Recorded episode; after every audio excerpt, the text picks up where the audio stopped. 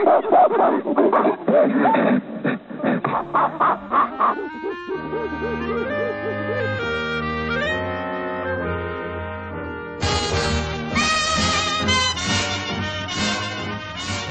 immediatism begins with groups of friends trying not just to overcome isolation but also to enhance each other's lives, soon it will want to take on a more complex shape.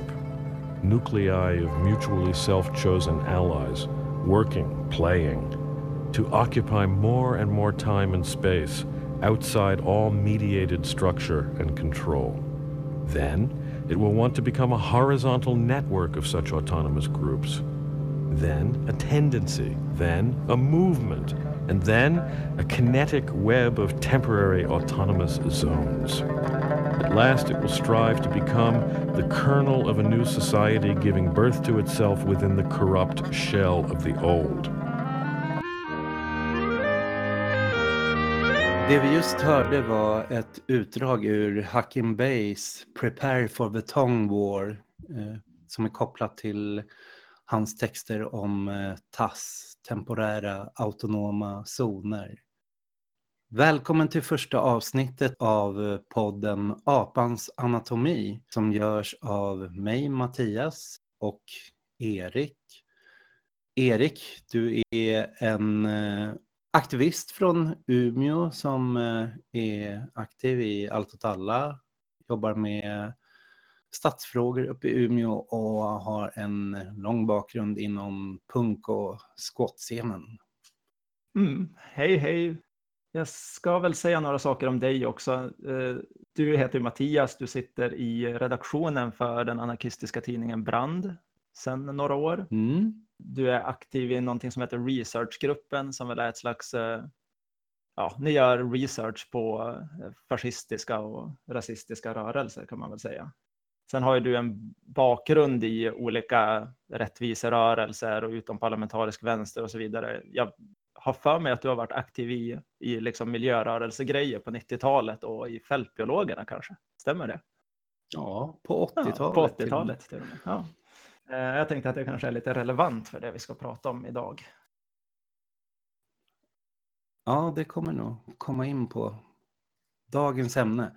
För dagens ämne, det vi har tänkt ägna den här podden åt att prata om sprickor. Sprickor i kapitalismen.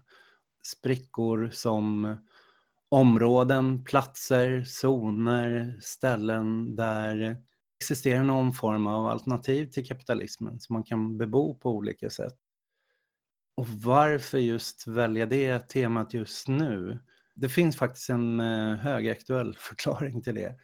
I Frankrike pågår just nu en väldigt intressant strid eh, om ett område kring en flygplats som var tänkt att utvecklas. Och ni har haft dem på besök i Umeå, Erik. Stämmer ja, det? Ja, precis. Alltså det, vi hade besök av några som heter John och Isabelle här. De var föreläst i Umeå på Arkitekthögskolan. För jag vet inte, en vecka sedan kanske det var de kommer ju från det här stället som kallas för SAD. Alltså det står för zonen att försvara kan man säga och är ett eh, område utanför en stad i västra Frankrike som heter Nantes tror jag. Eh, jag tror att det uttalas så. Det här är ju typ ett, eh, alltså ett, vad ska man säga, alltså ett våtmarksområde som är ganska unikt i, i fransk geografi. Eh, som är ungefär 40 000 hektar meter stort som jag uppfattade det det som har hänt där egentligen är att, eh, och som de pratar om då, för övrigt en av de bästa föreläsningarna jag har sett i hela mitt liv. Det, både liksom ämnet men också pedagogiken i hur de pratade om det var superbra. Det som har hänt där är att på, alltså i mitten av 1960-talet, typ 1965, så la man fram en idé från franska staten om att bygga liksom en, eh, en sån här eh, megaflygplats på det här området det skulle väl vara en sån här flygplats som eh, funkar som en transitflygplats för en massa andra flyg, alltså där man mellanlandar i Europa när man ska till andra världsdelar och så vidare. Så det är verkligen ett jätteprojekt. Det skulle vara porten till Europa, utmålar de det väl som? Ja, e- exakt. Så det är liksom ingen skitgrej helt enkelt. Och, och redan då under liksom 68-upproret i Frankrike så var det här föremål för olika konflikter med liksom begynnande klimat och miljörörelser och lokala aktörer som var emot det här projektet.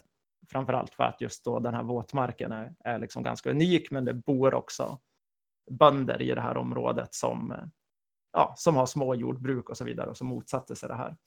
Och den där planen mm. har väl blivit en typisk långbänk i Frankrike, liksom, som har det har liksom inte hänt så mycket, man har planerat för det, det har hamnat i malpåse och sen precis i början av 2000-talet då deklarerade franska regeringen att det här skulle liksom lyftas upp igen och bli av. Så då började liksom planerna konkretiseras. Och 2009 då var det någonting som hette Climate Camp i Frankrike. Climate Camp arrangerades då kring den här platsen och kring diskussionen om det här flygplatsbygget. Det var ungefär 40 000 personer som Mm. som kom till det här vårt landsområdet och rörde sig där och under den aktionen så bestämde sig massa människor för att stanna kvar och bebo den här platsen för att försöka hindra flygplatsbygget från att kunna bli av.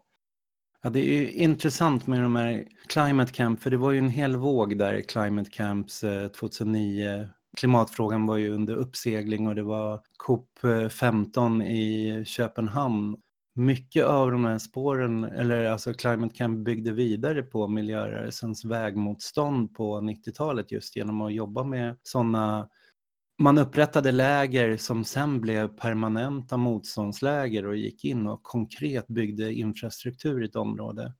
Och som jag förstår just det här området då, SAD, det var ju liksom ett... Namnet SAD kom ju på 70-talet när staten deklarerade det här området som ett område av specialintresse för nationen.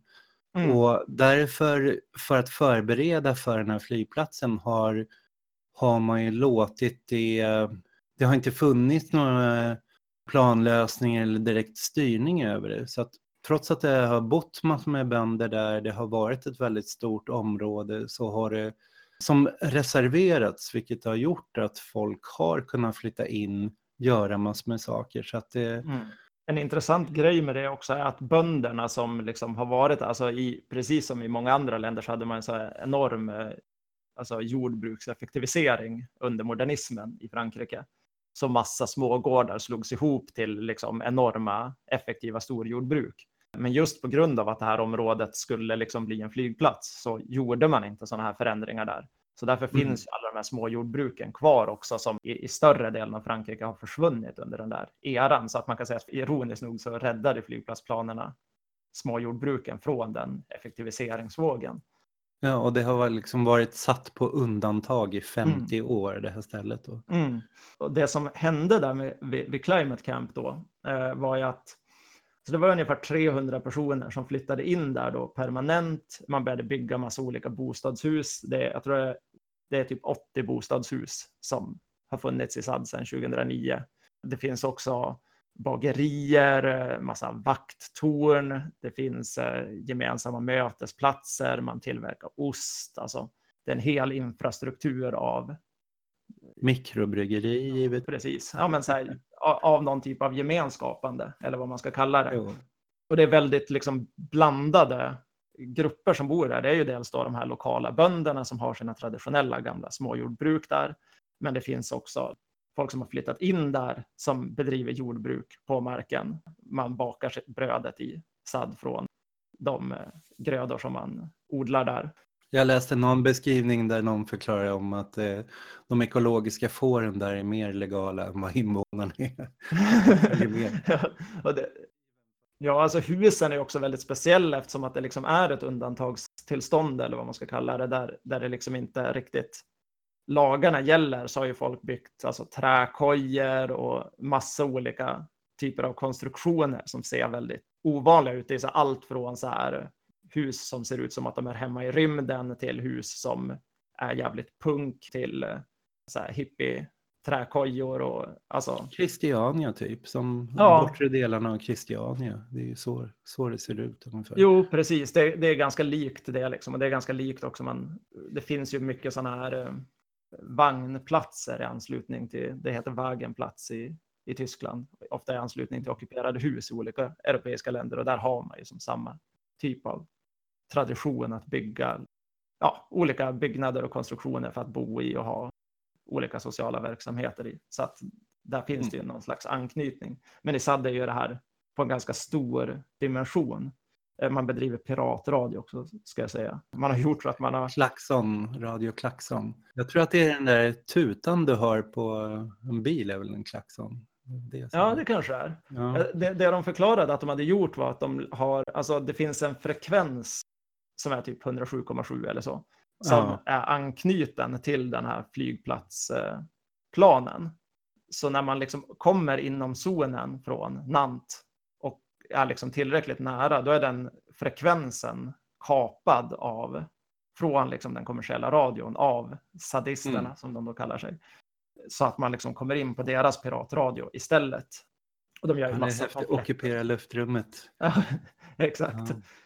Men det är väl till och med inte bara kopplat till flygplatsen utan det är väl ett privat bolag som gav sig uppgift att eh, bygga, konstruera det här området och rensa området. De har specialiserat sig på sådana här högriskområden där jag har sett som att det har funnits konflikter eller att det har funnits speciella omständigheter kring att bebygga.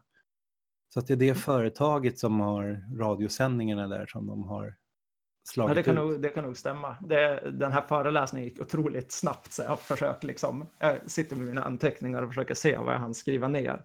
Men alltså det som har varit intressant sen med, med SAD är ju att man har ju försökt vräka det här området i lite olika omgångar.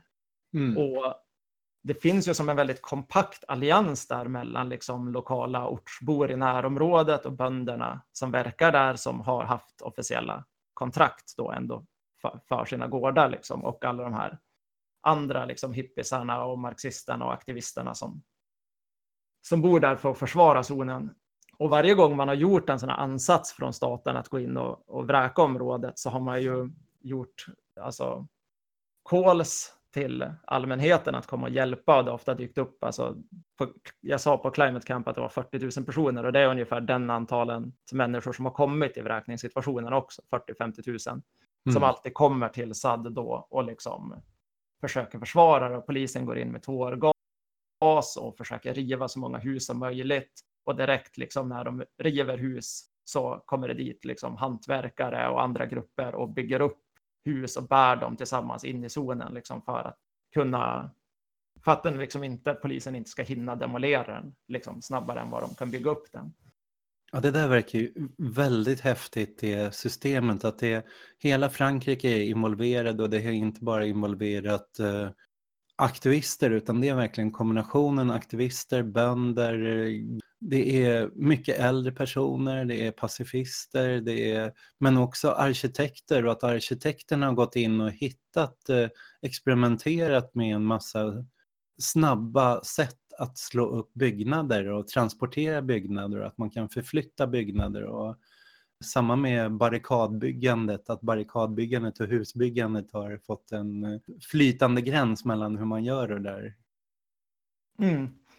Jo, precis. Och, och, det visade de ju mycket bilder av. Det är synd att man inte kan göra det när man sänder podd. Liksom. Men det, ja. det är ju, de gör ju sådana liksom, mobila konstruktioner som de ofta bär över de här liksom, våtmarkerna och åkrarna. Alltså det är så 300 personer som bär en huskropp tillsammans liksom, under natten medan polisen mm. har dragit sig undan. Ställer dit den. Så börjar polisinsatserna på morgonen igen.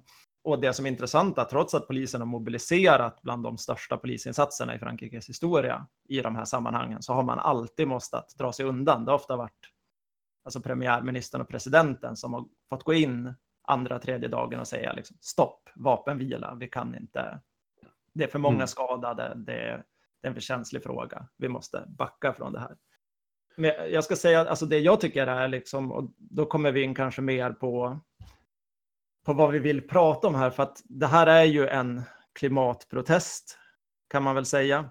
I grund och botten så handlar den ju om den fullständigt vansinniga och ohållbara idén att bygga nya sådana här flygplatser i en, i en tid av svåra klimatförändringar. Och det, det är ju en av anledningarna att den berör så många också. Det, det är mm. ju en fråga som nu i valrörelsen då Macron vann i Frankrike förra året var det väl, så var det här en av de fem mest diskuterade frågorna i de riksvaldebatterna i Frankrike. Så det är, som inte en, det är inte en fråga som bara anbegår en liten krets, utan det är verkligen en så här nationsangelägenhet. Ja, det var väl en av hans valfrågor, att stoppa flygplatsen där. Ja, jo, precis. Även om det är utgångspunkten så är nästan den här experimentdimensionen och liksom hur man bebor den här platsen är nästan det mest intressanta med jo. att titta på det här. Och de snackade ganska mycket om det när de var i Umeå, att vi lever i en tid då det är svårt att tänka sig framtid överhuvudtaget och det är svårt att tänka sig hur ett samhälle skulle kunna se ut bortom kapitalismen. Så har det varit ganska länge. Eh, det finns en jävligt rolig meme som jag ofta ser cirkulera på så här eh, vänstersidor på Facebook. Det är så här två maya-indianer som står framför en någon typ av pyramid och så står det någon så här maya-ledare och ser så här maktgalen ut på en scen ungefär. Så står de nedanför den där och så säger den ena till den andra så här. Ja, det här systemet är kanske inte perfekt, men det är det bästa vi har. Vilket ju är en typisk referens till liksom det liberala tugget om den kapitalistiska ordningen idag.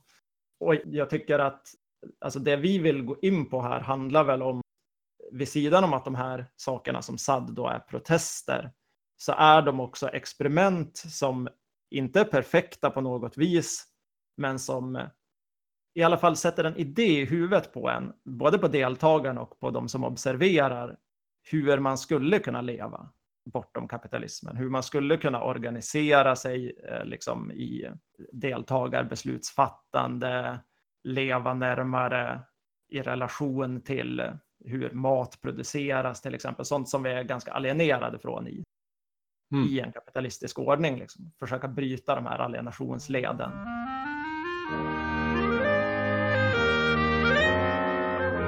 Det intressanta är ju också att det är, det är där konflikten kring SAD är idag. Inte i och med att flygplatsen är stoppad. Macron har ju, har ju stoppat det beslutet att den ska, ska byggas.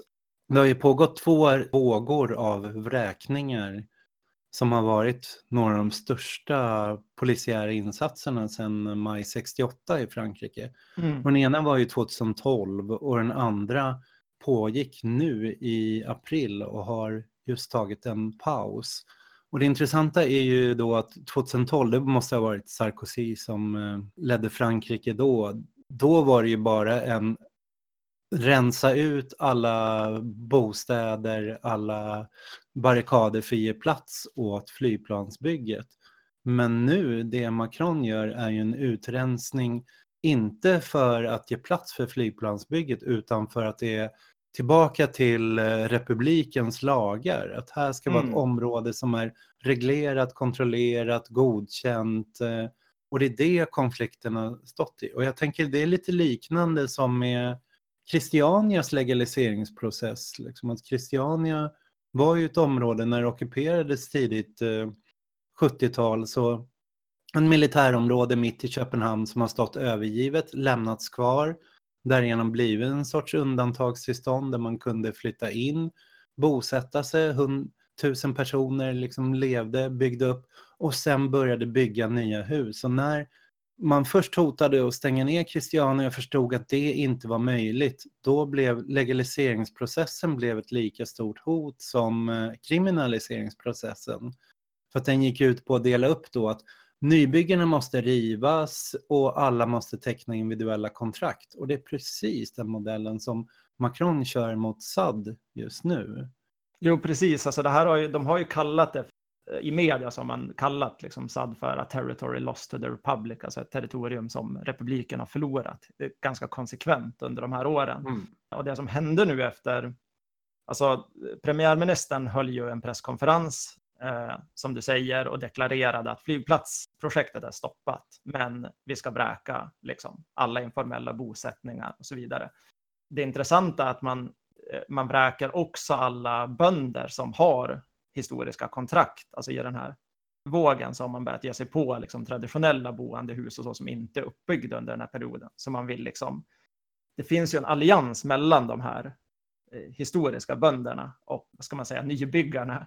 Och nu ger man sig på de historiska bönderna också, så man vill liksom inte ha någon kvar överhuvudtaget här. Och det som hände Man hade ju då liksom här i april en period av liksom, att polisen gick in och kastade tårgas och rev massa hus och man försökte bygga upp dem och så. sen gjorde man en sån ceasefire. Jag tror att det var mm. Macron till och med som deklarerade den officiellt i media att så här, nu måste polisen dra sig undan. Och det man gjorde då är ju som du säger att man, man la fram ett kontrakt som man vill att människor som är eller bebor SAD ska, ska skriva under individuellt. Så att man kan liksom identifiera vilka är det som är här, bryta upp kollektivet till och den gemensamma beslutsstrukturen och så vidare till liksom en individualitet, till någonting som, som är i takt med hur saker fungerar på andra platser. Och det är ju just den här tendensen att ge sig på det här, möjligheten att tänka sig en annan värld, att reglera in allting och, och visa att så här, det finns bara ett sätt som saker kan funka på. Det finns inga alternativ. Det här är liksom den rådande ordningen och den ska gälla. Så det, det är väldigt likt. Det man kan säga att sadisterna har gjort i det här sammanhanget är att de har, de har vägrat skriva under det här kontraktet och försökt omformulera det till ett slags kollektivt kontrakt där de inte individualiseras utan får, får teckna liksom sin närvaro i området som ett kollektiv. Så de har liksom arbetat om kontraktet, skrivit under det i en sån form och skickat in det till staten då. Det tror man ju inte att staten kommer att acceptera, så de sitter väl egentligen nu och väntar på en ny sån här polisiär vräkningsvåg. Mm. Det var väl därför de var lite här i Umeå också och åker runt på många andra ställen för att berätta om situationen. Sen är de ju väldigt, de vill ju försvara sitt experiment och den mångfald som finns där och, och så, men de är ju väldigt nöjda med att ha åstadkommit att ha stoppat det här flygplatsbygget. Det är ju mm. både och, en både och situation kan man säga. Ja, någonstans känns det ju att Macron och staten har fattat någonting. De har ju rätt i, på den punkten att de säger att det här områden förlorade för republiken eller att republikens lag måste gälla för att det är hotet från de här områdena är ju att man ser det som parallellsamhällen där man har börjat experimentera med andra, andra sätt att leva som, som inte följer det här samhällets lagar och regler eller ens maktutövning accepterar inte den suveräniteten. Nej, och det där, det där känner man ju igen själv från Alltså även så här mindre exempel som husockupationer som ju inte är den här enorma zonen men som ändå är att man tar ett hus utanför liksom gängse juridiska former. Den öppnar ju just det där utrymmet. Det är så jag upplevde. Vi ockuperade ett hus i Umeå 2014 som vi kallade för Lokstallarna som var, mm. vi hade det i två år. Det är en lång historia vad som hände med hela den processen. Men det jag tycker var så kul med att lyssna på, på dem från SAD var ju så här igenkänningsfaktorn i, i vad som händer i en sån där situation. För, för mig var Lokstallarna, alltså det var inte så mycket viljan att ha ett formaliserat kulturhus, vilket ju processen där handlade ganska mycket om. Utan det som är mm. så fantastiskt med en sån upplevelse, det är ju att när man öppnar upp ett hus på det där sättet så uppstår just den här mångfalden som SAD-människorna pratar om väldigt mycket. Det så strömmar till massa folk av nyfikenhet från ganska mycket olika håll av olika orsaker. Den här normala ordningen av hur man förhåller sig till sin omvärld bryts väldigt snabbt upp och så här, saker känns enormt möjliga. Det är väldigt kort från tanke till handling. Man har ett mm. möte och säger så här, vi borde bygga det här och så samma kväll så sitter, håller man på och bygger det där. Liksom. Och jag, jag tror att det är ofta den berättelsen man vill berätta om mm. en husockupationsupplevelse. Det är ofta där, också därför man blir så ambivalent när legaliseringsprocessen kommer som den gjorde för oss med lokstallarna. Mm. För vi fick ju ett kontrakt och sen så blev det liksom där våtfilt av byråkratisituation där det var jättesvårt att, att liksom formellt då legalisera det här huset. Och, men då känner man ju sig en rävsax för att det man egentligen vill försvara är ju det här, det här undantaget, det här lilla titthålet man har skapat till att någonting kan göras på ett radikalt annorlunda sätt som inte känns alienerande. Ja, du ser ju likheter mellan skottscenen där och jag, jag ser ju likheter också med miljörörelsen som jag kommer ifrån. Att, uh, hur det upprättades sådana här lägerområden där man inte bara gjorde det som en blockad av ett vägbygge utan man även eh, försökte skapa andra mer ekologiska sätt att leva och byggde infrastrukturer, testade hur man kunde bygga, lösa saker med, med mat, sanitet, hälsa, bostad, bygga hus, bygga tält, bygga vagnar, hur man kunde skapa strukturer. Så jag vet inte mm, om du har rest runt och besökt sådana här områden. Ja, Christiania är ju liksom en självklar referens, men jag har gjort små resor ner till Frankrike och jag har aldrig varit i SAD, men eh, jag har besökt liknande områden. Det finns ju fler, SAD är ju inte ensamma, de bygger ju sitt nätverk av, det finns ju så här skogsprotester i Tyskland och andra delar av eh, Frankrike och delar av Italien. Det finns brittiska sådana motståndsläger som de... Även i Nordamerika så hade man ju en hel del mm. sådana här protester kring millennieskiftet. De här, finns en grupp som heter Crime Think som har gjort en DVD ja. som heter Breaking the Spell eller Pickaxe, jag kommer inte ihåg. Men eh, där, tar, där finns det en lång dokumentär om eh, ett sånt här område som kallas för Cascadia Free State som är egentligen mm. ett sånt någon sån urskog som man håller på att avverka som man bygger ett sånt protestläger i med träkojor och som är ganska mäktigt också. Men jag, mm. jag, har, jag har besökt mycket ockuperade hus, som att jag har spelat i punkband och turnerat runt och så. Och de här vagnlägren som ofta, som ofta ligger i anslutning till, men inte egentligen den här typen av liksom protestläger som, som utvecklas Nej. från protest till att bebo större territorium eller en zon mm. som väl är det vi pratar om kanske lite mer här. Ja, jag var både besökte och stannade ett tag i ett område i Pyrenéerna som heter Valle de Asp som var Aspdalen på, på 90-talet som var franska sidan när man ockuperade hus. Och det var samma sak där, att det var folk bodde där året runt men på somrarna blev det som ett stort motståndsläger hela sommaren. Man kom dit, tältade, varje dag var en demonstration eh, varje natt var sabotage mot eh, vägbyggena genom Pyrenéerna och det blev som ett permanent motståndsläger där som också skapade sina lokala nätverk. För på kvällarna var det pubbar och folk kom dit och det var kultur och uppträdanden och så.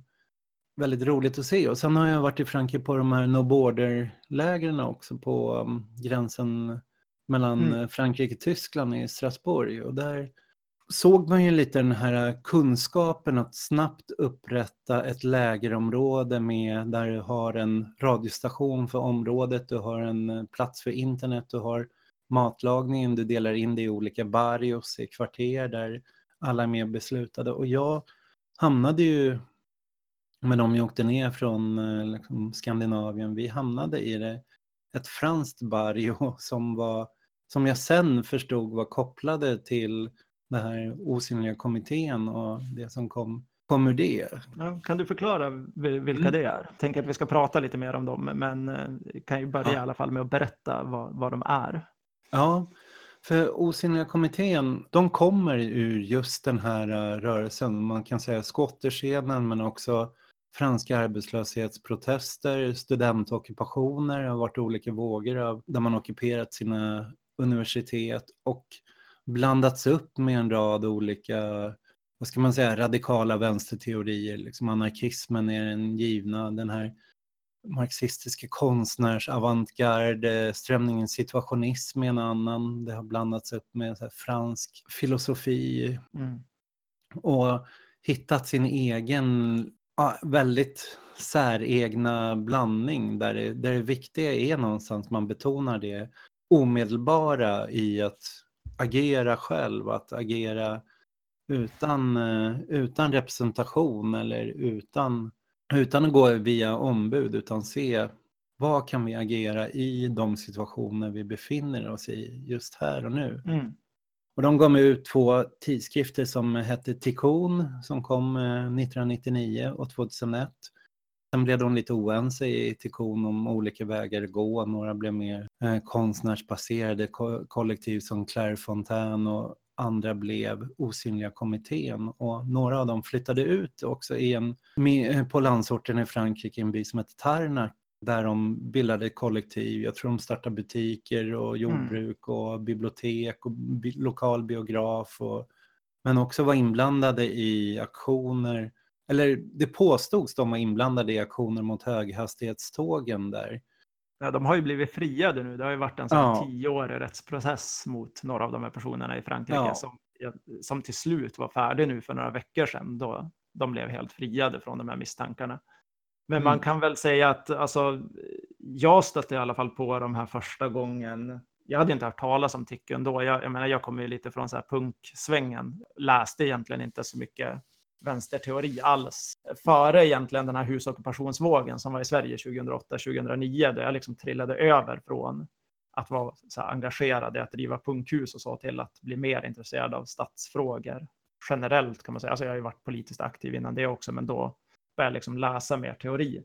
Och ganska liksom runt då så kom ju den här boken från Osynliga kommittén som heter Det stundande upproret. Mm. Jag tror att den släpptes eh, 2007 i Frankrike, sen 2009 på engelska, året därefter i, Mm. i Sverige. Liksom. Den kom väl kort efter det hade varit de här banlieue-protesterna, de här franska förortsprotesterna med förortsupplopp och förortsorganisering. Och även en våg studentprotester som hade knutit lite an till det. Ena året var väl mer banlieue-protesterna, nästa år studentprotesterna. Två rörelserna speglar det stundande upproret väldigt mycket. Mm. Jo, den tar ju som sin utgångspunkt ganska mycket det där. Den, de franska förorterna är väldigt närvarande i den där boken. Liksom. Och jag tycker att den var superintressant när den kom. Alltså, även om jag inte håller med om allting i de teorierna så, så, så som liksom för mig som kommer från punkkretsar och eh, jag har ju liksom tänkt i någon mån av mig själv i de där banorna. Att så här, det man ska göra är att upprätta alternativa strukturer, gemenskaper och suga in fler människor i de här gemenskaperna och så ska de bli till nätverk som ska bli fler och det ska sprida sig. Det är så där man tänker ganska intuitivt när man är inblandad i sådana, i att driva punkhus och liknande. Mm. Osynliga kommittén gör ju teori av det här som knyter an till en väldigt hård kritik mot kapitalismen och, och den situation som vi är i idag. Men, men som ändå har det här på något sätt som strategi. Alltså man, det är inte bara att göra det här enskilda experimentet som finns i SAD, utan det är liksom en teori som, som gör det där till ideologi, till vägen ut, vägen bortom kapitalismen. Som också tar ganska mycket avstånd från, eller helt avstånd ska man väl säga, från, från politiken och från att liksom vara engagerad i så här valen och mediering och så. Därför är den ju ganska anarkistisk.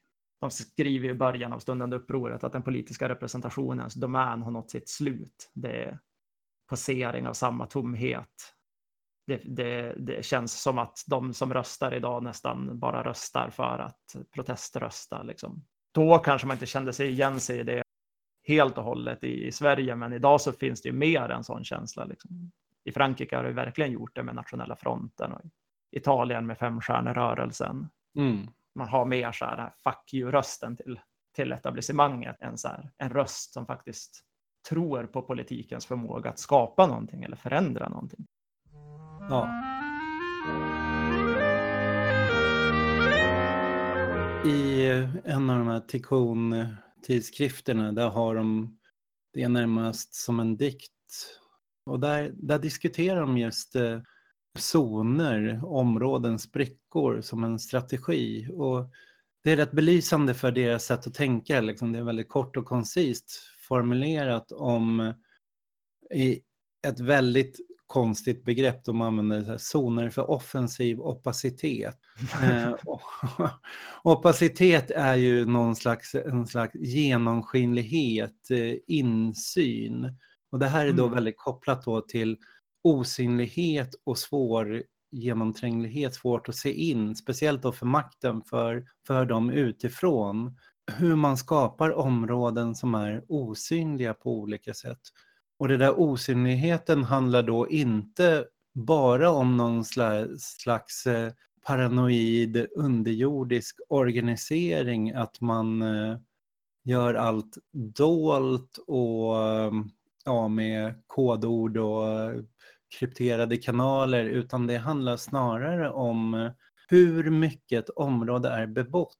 Det där bebo är det centrala begreppet då, som kopplas till eh, osynlighetens. Ju mer du är eh, inom ett område och knyter kontakter, bygger vänskapsband, bygger allianser, bygger, eh, sluter pakter, gör olika nätverk och ju mer sådana blir lager på lager så att de tänker sig det här svårigheten att se in, det är som en dimma som förtjockas över området för att det är mer och mer aktiviteter, kontakter, liv som sker där. Så att utifrån så går det här plötsligt inte att förstå. Man kan väl säga att det sker utanför institutionerna, så man ja. advokerar ju väldigt mycket att verka utanför, utanför institutionerna, att inte ge nytt liv åt de etablerade institutionerna. De skriver ganska mycket om det här i sina böcker. Det har kommit två senare också, To Our Friends 2014 och Now 2017 från den här osynliga kommittén. Mm. Och de skriver hela tiden om det här med att Alltså folk har ingen tilltro till politiker överhuvudtaget. Det syns ju i de här svenska som undersökningarna också. Det är den gruppen kanske som har, folk har lägst förtroende för. Politiken, partierna har jättedåligt förtroende.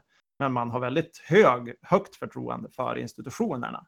Och det där dilemmat diskuterar ju de och de, de menar att det är för att välmenande krafter hela tiden kanaliserar in sin energi i att ge ny legitimitet åt institutioner. Att det, det ska man sluta göra. Liksom istället, man ska inte äga territoriet. De skriver i stundande upproret att man ska vara territoriet. Man ska mm. skapa gemenskaperna, man ska öka deras täthet, deras cirkulation, deras solidaritet.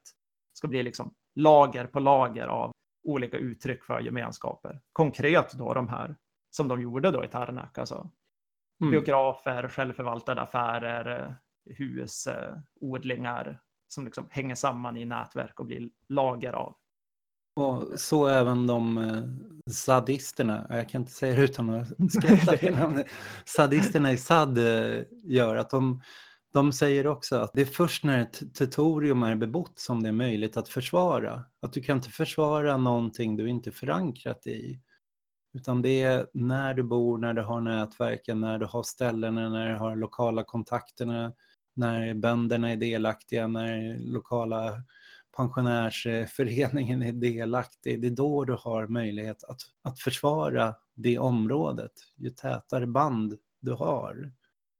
Jo, det är väldigt tydligt i SAD också att nu att det där har, den där tätheten har ju liksom ökat hela tiden. Nu är liksom de sista vågorna innan flygplatsprojektet ställdes in så fick man ju till och med fackföreningarna att göra uttalanden att så här, vi tänker inte bygga den här flygplatsen. Alltså, så här, mm. ja, ni kan ha ett flygplatsprojekt, men ingen liksom, medlem i byggnadsfacken i de här regionerna kommer att vara på de här byggena för att vi vill inte ha den.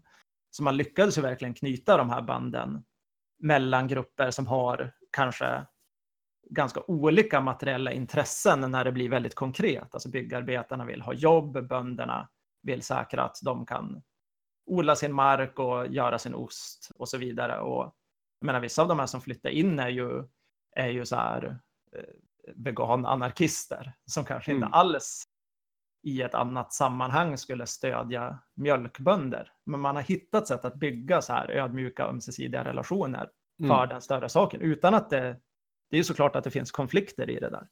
De mm. hymlar ju inte med att så här, den mångfalden leder automatiskt till att man måste diskutera jättemycket och kompromissa, att det finns konflikter. Det, det är det som är mångfald. Ja. Det är också det som de försvarar lite. Det är det zonen är, det är mångfald. Ja, och det är det lite någonstans här, i borgerliga diskussionen, i borgerliga ledarskribenters skräck, att det ska uppstå parallellsamhällen. Det här är ju en strategi för att skapa, för att upprätthålla parallellsamhällen. Det är ju verkligen parallellsamhället som en politisk mm. kampmetod.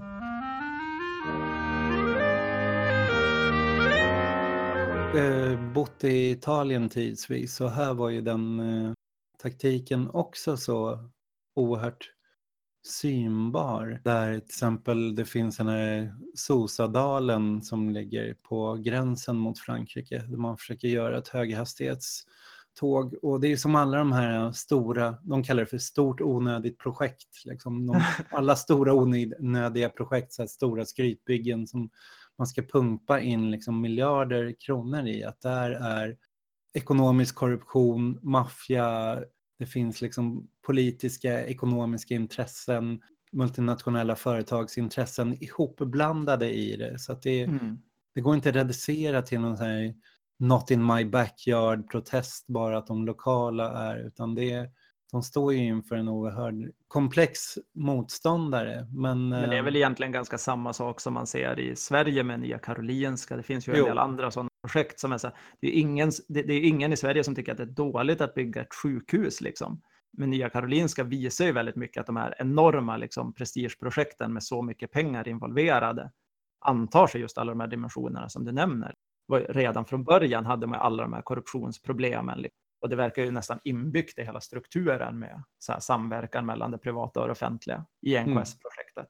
Och, och det är väl exakt den saken man ser i många andra länder när det gäller flygplatser och höghastighetståg och hamnar och liknande. Så här. Ja, jag besökte ju i nära Vicenza i nordöstra Italien så finns en amerikansk NATO-bas liksom, som, som de boende i Vicenza har protesterat väldigt länge på, där de har ett permanent läger. Vi, det var intressant att se hur sociala centren jobbar tillsammans med de eh, lokala proteströrelserna, hur man går ihop, genomför olydnadsaktioner, bryter sig in på området, river ner staketen, tar in massmanifestationer och sätter upp eh, radiostationer, hjälper dem med kommunikationsstrukturer, hjälper dem bygga de här lägren, använder sociala centren som mötesplatser i Du stan. måste nästan snabbt förklara vad de sociala centren är. Tror jag, De sociala, cen- ja, sociala centren är en form av ockuperade hus, men det är inte ockuperade hus för att bo i, utan det är ockuperade hus för att fungera som ett samhällscenter där man eh, bedriver framförallt kvartersverksamhet, men även andra former. Man kan ha allt från eh, läxläsning, eh, lära invandrare italienska, ha ekologiska marknader, ha spelningar, Det, är, det man kan säga att det är kärninfrastrukturen i, i någon slags autonom vänsterrörelse i Italien. ja, i här, Italien. det, organiseringsformen, organiseringsformen utgår nästan från Mm. liksom, sådana här sociala center och de deltar då i, i Mm. mobiliseringar på det sättet du beskriver. Ja, det har varit det sedan 70-talet och många av de där sociala centren är väldigt kopplade till just sådana här lokala proteströrelser. Att vi har sociala centret Askatasuna i Turin och är kopplat till den här Sosadalens motstånd som har en kamp som har pågått i 20-30 år. Mm. och de i nordöstra Italien som jobbar med det här Nodal Molina mot NATO-basen. Och jag var nere och besökte i Neapel under sopprotesterna som var för tio år sedan när Berlusconi och maffian gjorde dealar om att eh, Napoli köpte in sopor från hela resten av Italien men det fanns inga soptippar. Så då låg soporna överallt på gatorna och hela stan stank. Och då bestämde man sig för att ta stadens enda grönområden och bara dumpa soporna där. Men Mm. de lokala boende ockuperade områden byggde barrikader, satte upp permanenta läger och bevakade det dygnet runt. Så att det var områden där staten inte så att säga kunde komma in. Vi åkte ner och var med där och demonstrerade och hjälpte till. Det Mm. är fantastiskt att se sådana barrikaderade områden, vilken form av kreativitet som, som uppstår, uppstår där i dem. Mm.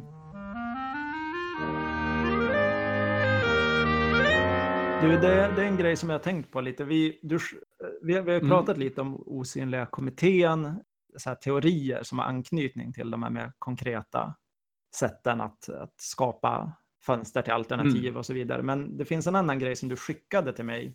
Vi inledde ju med ett citat av Hacken Bay från Prepare for the Tongue Mm. War. Och du skickade en bok av honom som heter Temporära autonoma zoner till mig inför att vi skulle göra det här avsnittet. Jag lyssnade på den som ljudbok då. Den är ju från 1990 och den är ju väldigt nära det som man läser i stundande upproret från Osynliga Ja. kommittén. Men den, den präglas ju också mer av att den, den är skriven 1990. Det finns någon så här poetisk ironi och ett tonfall som känns mycket den tiden. Liksom. Och jag var ju så tre år då, så jag upplevde ju inte den Mm. perioden. Men jag skulle vilja att du liksom förklarar den boken lite för mig och sen Ja. vad den försöker berätta. Ja, det här är ju, för mig har det nog varit en av de viktigaste politiska texter någonsin, eh, temporära autonoma zoner av Hacken Bay. Och det tror jag alla som blev aktiva i slutet av 80-talet, början av 90-talet. Det fanns inte så mycket politisk teori att läsa, speciellt inte sånt som kändes eh, nyskapande.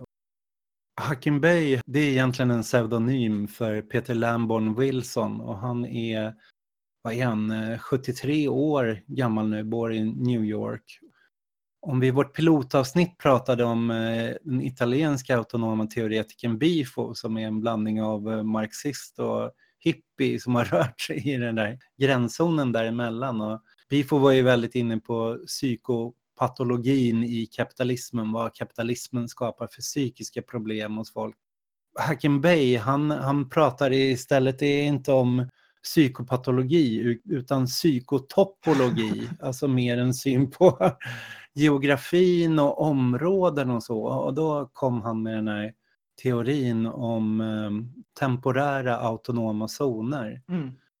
Och det baserar sig lite på två grejer, hans eh, TASS, som det, han förkortar med hela mm. tiden. Att eh, dels handlar om eh, geografiskt och dels handlar om synen på revolution och förändring. Och det här geografiska, han har varit väldigt intresserad av att titta på um, allt från ja, hemliga sällskap, uh, hemliga civilisationer, vad som har hänt när till exempel uh, väst koloniserade Nordamerika. Han verkar ha stuckit också, som jag förstod det på Wikipedia, till Mellanöstern precis under den här liksom, postkoloniala eran och så här bott runt i typ Pakistan och Iran var ja. någon slags, eh, jag vet inte om han var professor på ett universitet i Iran fram till då, alltså revolutionen 1979. Ja visst, och han blev väldigt influerad av sufism och tantra och olika mysticistiska mm. strömningar där som han har blandat in i sin anarkism och gjort att han har hela tiden försökt hitta någon alternativ historieskrivning, spårat strömningar som inte har funnits med i den officiella historien som pirater och försökt förstå, förutom att de åkte runt i båtar och kapade skepp, liksom, hur såg piratsamhällena mm. ut? Hur var de organiserade? Hur såg deras strukturer ut? Mm. Men eh, det han kom fram till var ju också att det här är hela tiden byggt också på att det har funnits delar av jorden som inte helt har varit täckt av västmakterna, funnits någon form av utsida, det har funnits eh, amerikanska kolonisatörer som har deserterat och liksom börjat leva tillsammans med ursprungsbefolkningen och leva bland indianer och liksom lämnat civilisationen. Man, kunnat, man har kunnat dra, göra något annat, finnas någon annanstans, hitta en utsida, göra liksom en exodusflykt från mm. det här. Nu, sen, nu är det ett globalt samhälle och då innebär det liksom att det finns inga outforskade områden på det sättet. Geografin täcker hela planeten men det innebär inte att allt är kartlagt in i minsta detalj. Det finns fortfarande platser som går att upprätta.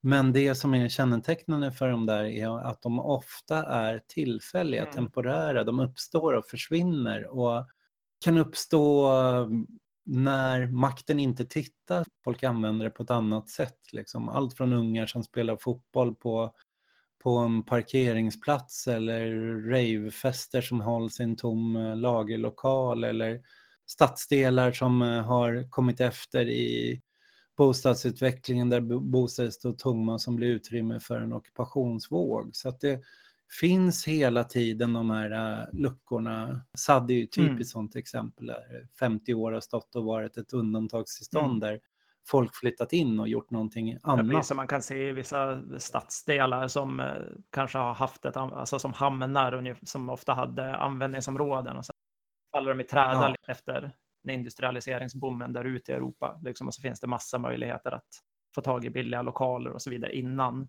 då Mm. Staten och kapitalet hinner i fatt kan man väl säga.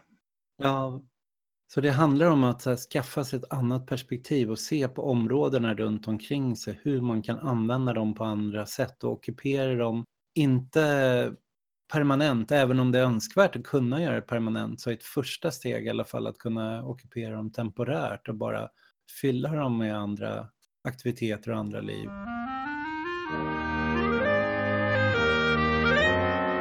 Där hänger ihop med hans andra observation då och det är ju synen på att revolutionernas tid är förbi. En så här, kritisk utvärdering att det revolutionerna under 1900-talet har uppnått är ju att Så fort en revolution har vunnit har den redan varit förrådd. Man återupprättar ett system, det ska till nya reformer, det ska till nya regleringar, men den kraften som uppstod i revolutionen, att så här, allt kunde förändras, dör rätt snabbt. Så att han, han är väldigt så här, kritisk till synen på revolution och mot det ställer han istället då eh, upproren, uppresningarna och revolterna och ser att det här är någonting som är permanent möjligt.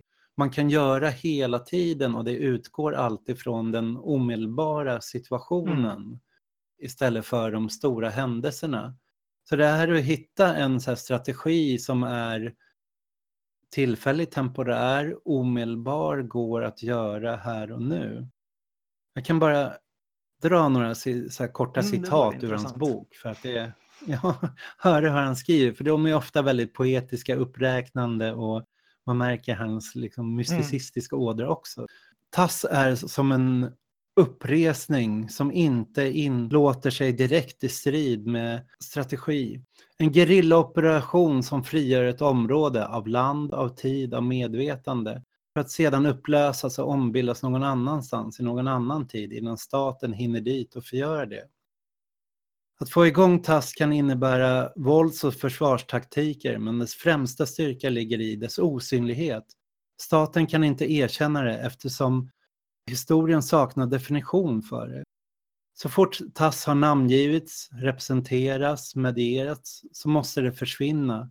Kommer det försvinna, lämnar efter sig ett tomt skal som endast för att uppstå någon annanstans återigen osynligt och det är odefinierbart för skådespelet de citaten och bara ta det mot det som sker i SAD, det är ju verkligen, han, han beskriver ju precis så sad, sadisternas mm. situation. Mm. Jag känner igen mig jättemycket i det där också från att ha varit aktiv i husockupationer framför allt. Då. Att, ja, men det är så här den här känslan som uppstår, den här, här känslan av möjlighet, av horisonten för någonting annat och samtidigt det här otroliga dilemmat inför vad som händer när det börjar bli synligt, när det börjar närma sig erkännande och, och institutionalisering. Det är ju nästan huvuddiskussionen inom husockupationsrörelser i Europa. Att mm. gemenskapen på något sätt dör när man, eller det, det som är det man värnar om försvinner när man mm. anpassar det här till de konventionella ramverken för samhället. Så man har ju alltid de här personerna som i sådana sammanhang som argumenterar för det på grund av risken för repression annars och liknande. Men också de som, som väldigt intuitivt värnar om, om den här gemenskapskänslan och hellre vill kanske att man ska göra sådär, att man ska verka på en plats när man liksom inte, när staten inte har hunnit ifatt och sen ska man flytta vidare och gemenskapen är liksom det som ska flytta runt och växa och spridas. Och där kommer ju igen det här lite från osynliga kommittén. Mm. Jag tycker kopplingen Hacking Bay och Osynliga kommittén känns så väldigt given. Och Hacking Bay går också över sen i en lite senare text för att diskutera permanenta autonoma zoner. Hur det är möjligt att upprätta dem. Men fördelen är att inte börja med att tänka utifrån den permanenta autonoma zonen. Vi ska skapa någonting hållbart utan, utan att eh, tänka på hur man skapar de här äh, temporära zonerna är för att det blir direkt möjligt att agera. Mm. Och sen får det temporära när det flyttar runt, när det byter så lagrar ju det gemenskaper, erfarenheter, kontaktnät och kan till slut bli grunden för kanske mer permanenta strukturer som kan uppnå. Men permanenta behöver inte vara ett ideal i sig. Ja, det man vill permanentera är väl snarare kanske en relation mellan människor, så här, upplevelsen av vad det är man mm. gör tillsammans i sådana här sammanhang och hur man delar på kunskap och liksom lär sig förhålla sig till varandra. Det är det man vill ska bli permanent och cirkulera och sprida sig snarare än det som går fysiskt se, liksom, där, att det här huset ska vara kvar eller den här zonen ska till varje pris vara mm. kvar. Och, och, risken med de här processerna som följer det gängse är väl att de ofta, alltså jag menar, vi har ju sett många sådana saker som har startat i Sverige med husockupationer eller landockupationer genom legaliseringsprocessen och man ser ju att den här energin och den de grejerna liksom som hör till gemenskaperna, de försvinner ju med tiden med det.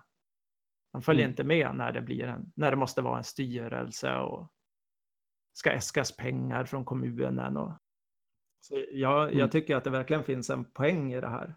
Sen tycker jag väl kanske inte att det, att det liksom eh, funkar som en totalitet, som här, den enda strategin.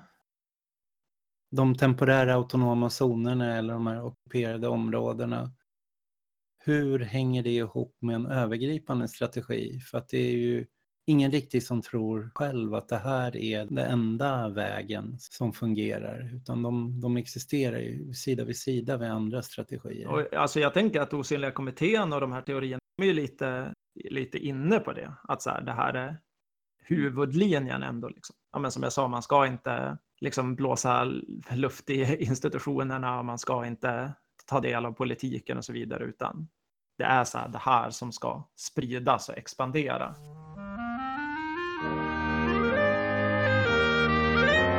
Den kanske största sådana här grejen som är så anknuten till då SAD, det är ju klimathotet, alltså som också kom då med, alltså klimatrörelserna kom ju på 50-60-talet, men vi fick ju en oljekris på 70-talet, då vi kanske på allvar började förstå i världen att många av de här naturresurserna är inte oändliga. Det är inte möjligt att ha en liksom, expansion av den typen för alltid som vi hade under den där tiden. Så att det, det där framtidsprojektet för mig är ju en chimär, liksom, att vi skulle kunna så här, återvända till någon typ av, av sån ekonomisk ordning. För jag menar, det kommer bli en katastrof. Och var kommer sprickorna in? Ja, men sprickorna kommer in då för mig som det jag tycker är så intressant med dem är ju att de är ju på något sätt en framtidshorisont som inte tänker så. Som inte letar sig tillbaks mm. till de här kategorierna utan som, som just så här, de ser vikten av det här. Att inte bara typ verka i lokala kamper i nuet och så, utan att skapa de här horisonterna och visa så här, det finns andra sätt att leva, det finns andra sätt att producera. Det är ju det de gör jättemycket i SAD. De försöker hitta mm. tillbaks till att så här, odla det de själva äter och sånt. Och det, det kan låta så här hippieaktigt och töntigt, men det är, jag tror att det är sjukt viktigt att göra de återkopplingarna och visa dem. Så det är väl mest, det, det är ju främst ur den synvinkeln jag är så intresserad av sådana här temporära mm. autonoma mm. zoner eller sprickor. Att, att de, ger, de ger fönster bortom. Sen tycker inte jag, ja. jag, jag tror inte att det är så enkelt att man bara kan liksom cirkulera och expandera dem och öka tätheten och allt sånt här som osynliga kommittén säger. Tysk kapitalismen är helt borteroderad. Alltså det låter ju rågrymt liksom så, men, men det, det som man ofta ser om man, om man som jag, du har varit aktiva länge i, i den här typen av rörelser eller i närheten av det här, det är ju att de här experimenten utsätts för enorm repression. Liksom staten lägger enorma resurser. Alltså jag mm. menar, det kan ju framstå som ganska harmlöst att 300 personer som är så hippies och punkar och bönder och liksom sådär bor i ett våtmarksområde i Frankrike. Men som du sa, staten satte in den största polisinsatsen sedan 1968 i Frankrike mot det här. Alltså det var 3000 poliser med pansarvagnar och rökgranater som gick in i SAD. Och jag tycker att det på något sätt är utgångspunkten, att det är hela tiden den statliga reaktionen. Liksom. Och det, det man kanske ser händer då i, i aktiviströrelser är ju att man går in i så antirepressionsfaser. Att man får jättemycket stryk och folk blir helt utbrända och sen ägnar man enormt mycket tid jo. åt att bara så här samla in pengar till folk som har fått böter och skriva brev till folk som har hamnat i fängelse och så här. Det blir ganska deppigt. Liksom. Sen är man tillbaks till ruta noll igen om man har Ja, precis. Och där eroderas ju de här gemenskaperna i sig liksom, av det här, de här antirepressionsfaserna. Mm.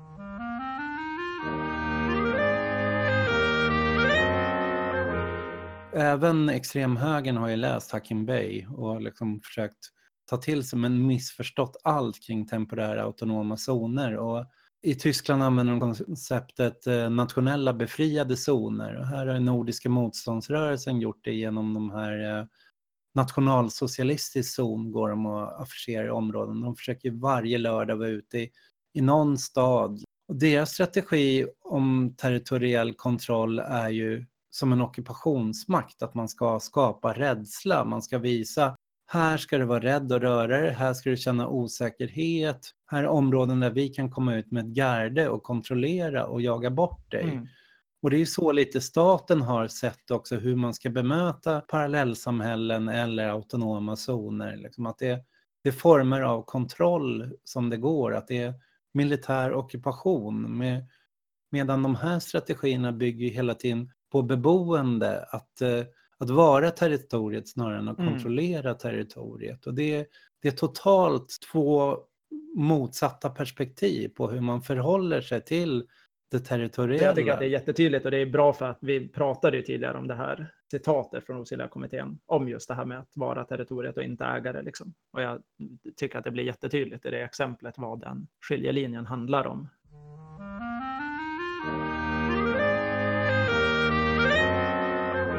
Nu i maj får vi se vad som kommer ske nere i SAD då om eh, slutet av månaden. Och det har ju varit vä- väldigt lite eh, skriverier om det här. Jag har, nästan inte, jag har nog inte sett något faktiskt i svensk media om det. Det enda var om kravallerna i Paris på eh, första Mm. maj.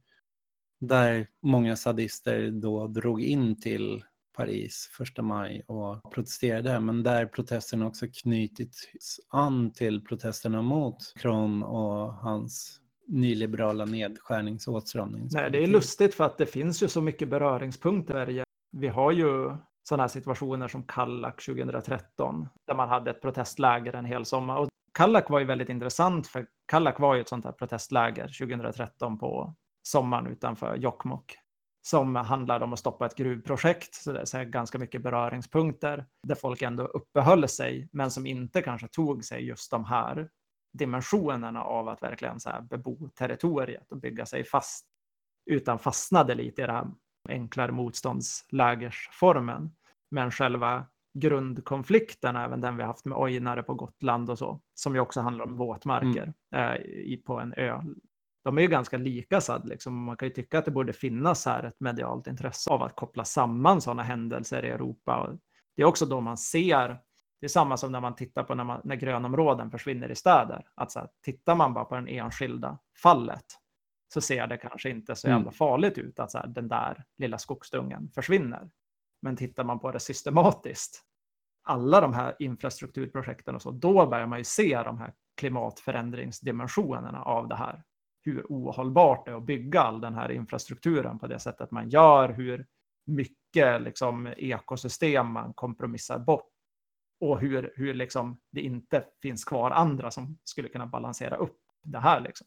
Så jag tycker att det är så här Mm. också därför det är viktigt att prata om SAD i, i Sverige. Och nu får vi se vad som händer närmsta veckorna, men solidaritetsaktioner, demonstrationer kommer ju efterfrågas. Och sen kommer ju hela sommaren och folk ska ut och tågluffa, resa, ta er förbi, ta er bort till Nantes och söker ut liksom till eh, Notre Dame de Landes och besök SAD. Det finns ju alla möjligheter där att kampa och hjälpa till, bygga upp de hus och allt sånt som har rivits Mm. ner. Kanske ska avsluta där och tacka för oss. Säga att vi kommer tillbaks med ett nytt avsnitt nästa Yes. vecka. Tack för att ni har lyssnat.